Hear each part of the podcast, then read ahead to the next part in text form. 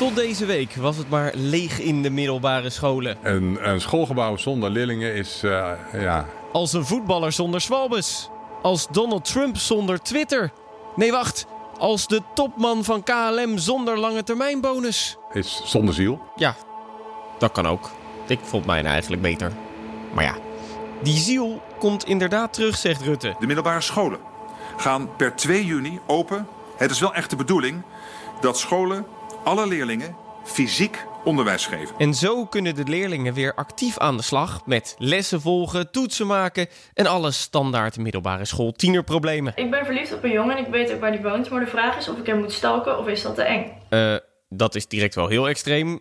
Maar ja, als je je gewoon aan de anderhalve meter afstand houdt, is het technisch niet tegen de regels, denk ik.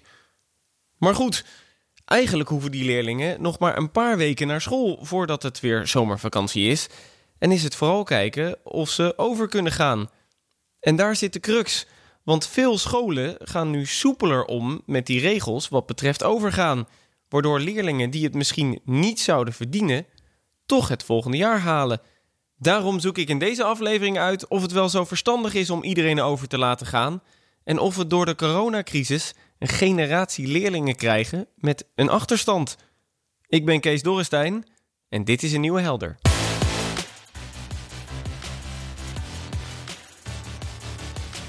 Het centraal examen gaat dit jaar niet door. Blijven zitten of overgaan. Bij een aantal middelbare scholen wordt dat oordeel overgelaten aan de ouders. Dus ik zou er zelf wel erg voor zijn dat ouders zeggen van nou, is mijn kind daar wel echt bij gebaat. Hallo, ik ben Genne. Ik ben één keer blijven zitten. Hallo, ik ben Ole. Ik ben twee keer blijven zitten. Normaal is het helder. Helder. Ik heb het hier in deze aflevering over omdat dit al eens eerder is gebeurd. Tijdens de Tweede Wereldoorlog, vlak na de bevrijding. De feestvreugde duurde tot diep in de nacht. En de volgende. En de volgende. De oorlog in Europa was voorbij. En ja, ik hoor je nu denken... stopt hij nou opnieuw een Godwin in zijn podcast? Nee, nee, nee, nee, nee, nee. Ja, sorry. Want tijdens het laatste oorlogsjaar kon er eigenlijk geen les gegeven worden, vertelt deze oud-scholier en nu bejaarde vrouw. We zijn in het begin gewoon naar school gegaan, maar op, op het laatst kwamen ook de soldaten in die school. En dan moesten wij uh, in een andere straat, in een melkfabriek, dat weet ik nog goed. Daar hadden wij zomaar twee uur per dag les. Ja, dan heb je niet zoveel in de melk te brokkelen, hè? Ja, je hebt niet zoveel geleerd natuurlijk. Daar kan ik me niet in denken, nee. Oké, okay, maar laten we het ook positief bekijken, mevrouw. U heeft er vast ook wel wat aan overgehouden. We hebben wel veel mee gemist, denk ik. Uh, ja. Doordat er geen mogelijkheid was om aan het einde van de oorlog naar school te gaan, werd er per koninklijk decreet bepaald dat iedere scholier over zou gaan en de laatstejaars hun diploma gewoon zo zouden krijgen. Dus ook al de leerlingen met onvoldoendes in wiskunde of aardrijkskunde kregen gewoon hun papiertje. Opvallend genoeg had niemand toen de tijd een onvoldoende in Duits. Nu zitten we in een soortgelijke situatie. Door de coronacrisis is het lesgeven lastig. Ik geef met echt ontzettend veel genoegen en plezier hoorcolleges. Maar ik heb het nu ook al een paar keer geprobeerd zo in deze coronatijd. En dat vind ik toch wel echt een verschrikkelijke afknapper. Gewoon omdat ik, ik, ik heb, een, heb dan zo'n scherm met een heleboel mensen waar je gewoon echt veel lastiger contact hebt. En wat, wat je dan mist, is dat je eigenlijk niet voortdurend kunt zien. Komt dit nou goed aan? Je hoort hier Jan van Tartwijk, hoogleraar educatie en pedagogiek aan de Universiteit van Utrecht. Hij zegt zometeen verstandige dingen over de effecten van de coronacrisis op het onderwijs en op de zittenblijvers. Eerst even naar de situatie van nu. Net zoals tijdens de oorlog gingen de examens namelijk niet door. Het centraal examen gaat dit jaar niet door. De eindcijfers zullen bepaald worden op basis van de resultaten van het schoolexamen. Maar dat is niet echt een probleem. Want eigenlijk wat er tot nu toe altijd gebeurde, is dat het schoolonderzoek qua niveau van cijfers behoorlijk lijkt op het niveau van het eindexamen. Als dit nu jarenlang zo aan de hand was en je zou kunnen zeggen van gaan die schoolexamens en die eindexamens uit elkaar lopen, dan, uh, dan heb je wel een risico. Maar zo met deze ene keer vind ik dat niet zo'n probleem. En dat betekent dus niet dat iedere leerling zomaar zijn diploma krijgt. Maar hangt er nog vanaf natuurlijk toch. Uh, want van, ik had gisteren een wiskundeherkansing gemaakt. En als ik daar een onvoldoende voor heb, dan, uh, ja, dan slaag ik niet natuurlijk. Want het is natuurlijk toch heel logisch dat als je niet de juiste cijfers hebt, natuurlijk toch dat je gewoon niet slaagt. Natuurlijk, toch? Want, natuurlijk, wat dat betreft is het geregeld. Maar nu het overgaan. Blijven zitten of overgaan. Bij een flink aantal middelbare scholen wordt dat oordeel overgelaten aan de ouders. En dat is een slecht plan, vindt minister Slop van Onderwijs. Omdat we dan ook wel weten dat met name de mondige ouders uh, dan vooral daar een stempel op zullen gaan drukken. Dat kan weer kansenongelijkheid uh, bevorderen. Uit onderzoek van de Volkskrant blijkt dat middelbare scholen erg wisselend omgaan met die overgangsregels. Normaal is het helder. Op basis van je cijferlijst wordt besloten of je over mag of niet. Maar veel toetsen gingen niet door. En het is voor leraren moeilijker peilen hoe leerlingen ervoor staan. Zo'n 40% van de scholen beslist op basis van de cijfers die er wel zijn. Op ruim een derde van de scholen gaat iedereen over. Een derde optie is ouders laten beslissen. Dat gebeurt op 15% van de scholen. En daar blijft het niet eens bij. Er is zelfs een school in Doetinchem die de leerlingen zelf laat bepalen. Maar ja, dan krijg je dus dit soort leerlingen die de afgelopen tijd de kantjes er vanaf hebben gelopen. Die zelf mogen bepalen of ze overgaan. Zeg ik wel soms wel van ik heb het af, maar dan heb ik niet af. Moet ik nog uh, stiekem snel nog even snel alles afmaken. Ha! Wat een schavuit hè. Even stiekem alles afmaken. Echt een modern day Pietje Bel hoor, is deze Ferdi uit 2 HAVO. Maar moeten we ons nu zorgen maken dat we een groep leerlingen met een achterstand gewoon over laten gaan? Jan van Tartwijk die zegt dat uit een enquête van de Vereniging van Schoolleiders blijkt dat een groot deel van de leerlingen niet in de problemen is. Daar was iets van 80, 90 procent geen zorg, uh, 10, 20 wel zorg en dan een klein groepje daarbinnen hele grote zorg. Die percentages, dat, vind, dat, dat gaat me eigenlijk iets, iets te snel. Ik zou daar veel degelijker naar willen kijken, om, voordat je dat echt zo kunt zeggen. Dat is ook wat ik van andere scholen wel hoor. Dat ze zeggen van we willen eigenlijk nog wel nu voor de vakantie en straks meteen na de vakantie kijken hoe onze leerlingen ervoor staan. Voordat we echt ook eh, daar echt eh, gericht op gaan, gaan, gaan nascholen, om het zo maar even te zeggen. De kinderen die er goed vanaf gekomen zijn, hadden de afgelopen periode vaak hulp van hun hoogopgeleide ouders of een rustige plek om thuis te studeren. Maar woon je in een, uh, wat vroeger een vogelaarwijk heette, He, drie hoog achter uh, in, een, in een klein flatje. Zonder daar al te veel uh, stempel op te willen drukken. Maar wat je daar ziet is, er wonen veel kinderen met ouders die niet goed de taal van het onderwijs, die niet goed Nederlands spreken. Ouders hebben niet helemaal een idee van wat er nou precies aan de hand is. Het is een onrustige omgeving met veel broertjes en zusjes in een klein flatje. Ja, dan denk ik, dat is wel de groep waar, waar ik wel zorgen over heb. Want dat zijn ook de groep kinderen die veel minder systematisch hebben kunnen werken. En waarbij leraren ook veel minder de vinger aan de pols hebben kunnen houden hoe het met ze gaat. Maar wat moeten ouders die de vraag krijgen of hun kind moet blijven zitten, dan nu doen? Dus ik zou er zelf wel erg voor zijn dat ouders zeggen van nou, uh, hoezo? En is mijn kind daar wel echt, echt bij gebaat? Als je kijkt naar onderzoek over zitten blijven, dan is zitten blijven eigenlijk helemaal niet zo'n goed idee. Het is niet zo dat kinderen die uh, zijn blijven zitten, dat die uh, per se geholpen zijn met dat zitten blijven.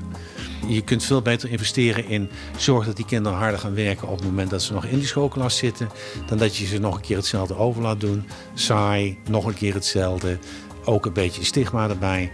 Dat is gewoon niet de meest effectieve manier om je onderwijs in te richten. Handige tip om een zittenblijver te voorkomen. Want anders zijn de leerlingen toch aangewezen op de tips van Ole en Cheyenne. Hallo, ik ben Cheyenne. Ik ben één keer blijven zitten. Hallo, ik ben Ole. Ik ben twee keer blijven zitten. En zij weten precies hoe je zitten blijven kan voorkomen, kan ik je vertellen. Je hoeft niet helemaal voor aan te gaan zitten, maar wel dat je een beetje actief meedoet. Oké, okay, opletten in de klas. Handig. Wat ook heel belangrijk is, op de gang zien natuurlijk vaak docenten. En als ze gewoon een woordje met een beginnen, dat vinden ze ook altijd leuk. Daar kunnen ze van genieten. Want ja. dan denken ze, oh ja, dat is een leuke jongen. Ja. Ik wist niet dat er zoveel leraren moedeloos en eenzaam door de gangen aan het dwalen waren. Ik dacht dat dat toch was voorbehouden aan onze bejaarden in verzorgingstehuizen. En stel voor je mag van je docent eten in de klas, geef hem altijd ook. Stel voor je hebt snoept. Meneer, wilt u ook een snoepje of meneer, wilt u ook kauwgom? En 9 van 10 keer zeggen ze nee. En je hebt echt ongeluk als ze ja zeggen. Dat, dat, dat moet je geven. Ja, dan moet je het ook echt geven. Ja, dan heb je ook echt een kutdag, hè?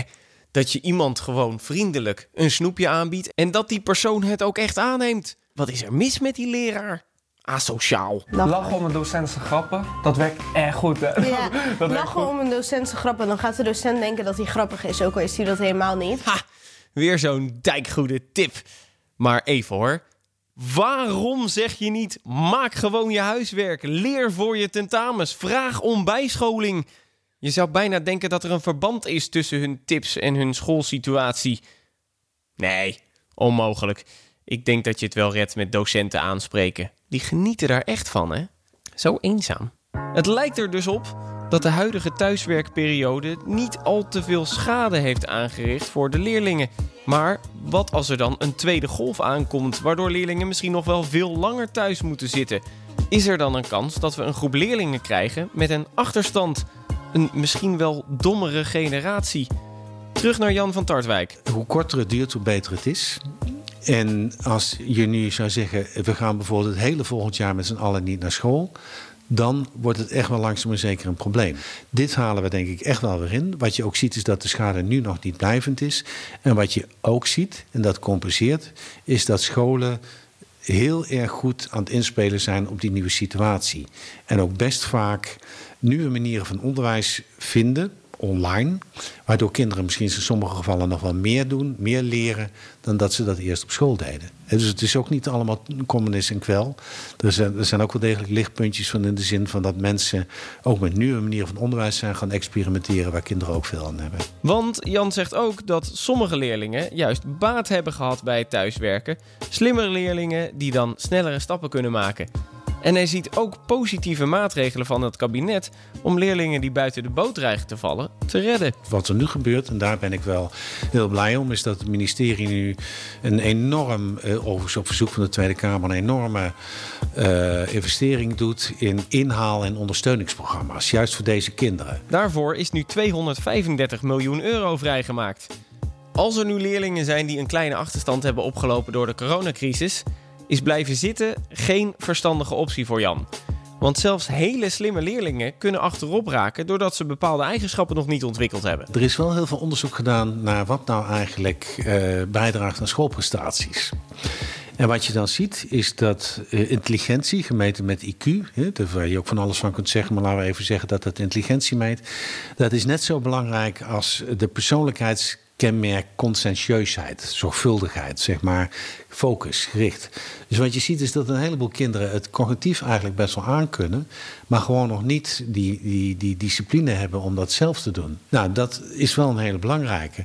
Maar dat wil niet zeggen dat je daar kinderen niet ook veel meer in kunt ondersteunen van, luister, je zult toch echt harder aan de bak moeten. En als het aan hem ligt, mag ons schoolsysteem ook wel wat doorontwikkeld worden. Kijk, als je me nou echt zou vragen wat het ideaalplaatje is, dan zou ik zeggen van laat het onderscheid tussen VMBO, HAVO en VWO een beetje los en ga veel meer per vak op niveau kinderen op niveau bedienen.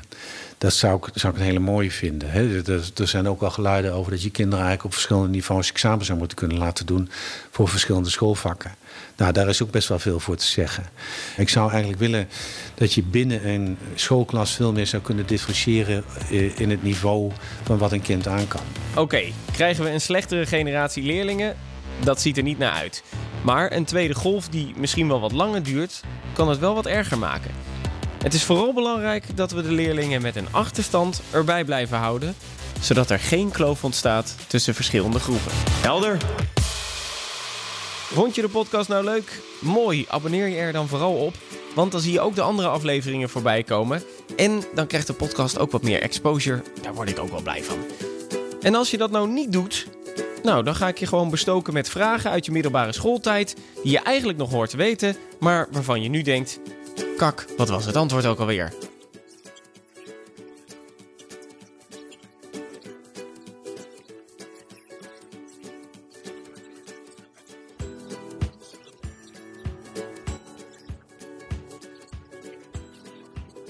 Als je het antwoord trouwens weet, twitter hem vooral even naar mij.